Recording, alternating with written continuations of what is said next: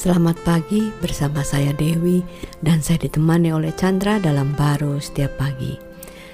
Kita tahu lah ya kalau uh, kita itu punya Tuhan yang uh, luar biasa, yang besar gitu kan.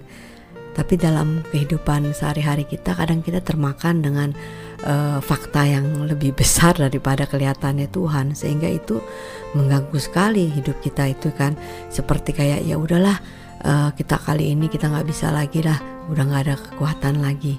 Nah itu yang terjadi juga kepada bangsa Israel waktu zamannya uh, Joshua mengatakan di dalam bilangan 14 ayat 9 dan janganlah takut kepada bangsa negeri itu sebab mereka akan kita telah telan habis.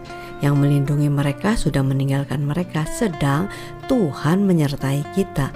Janganlah takut kepada mereka Nah ini uh, perkataannya sih bagus ya kita nggak perlu takut karena Tuhan menyertai kita. Tapi kalau faktanya semakin hari semakin mengerikan mau nggak mau ya takut itu nggak bisa kita bilang nggak takut pasti takut ya nggak karena kita melihat kemampuan kita gitu ya.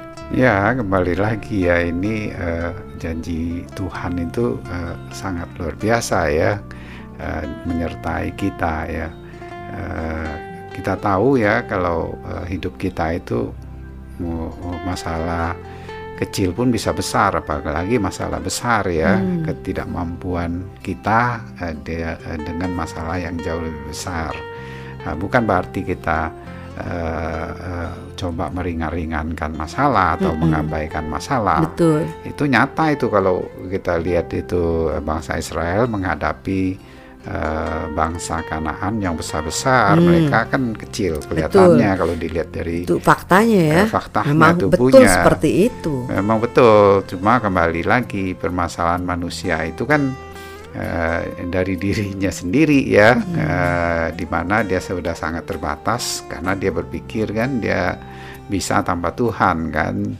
Uh, sedangkan Tuhan ini uh, kalau uh, bilang dia menyertai kita Hmm. Nah, dalam hal ini ya kita tahu bahwa melalui Kristus dia menyertai kita, dia hidup bersama dengan kita sehingga hmm. bukan ukuran kita kita ngelihatnya sudah sejauh Tuhan.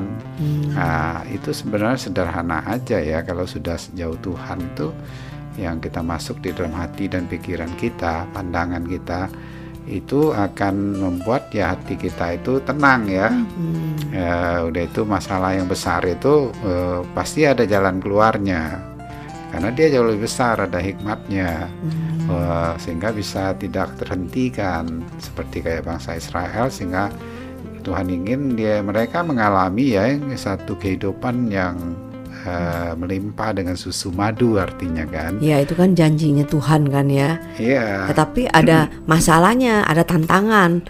Nah itulah waktunya kita melihat kepada Tuhan ya bukan ke diri kita sebenarnya ya enggak? Iya sebenarnya kalau udah melihat diri kita udah pasti nggak bisa melanjutkan lah ya.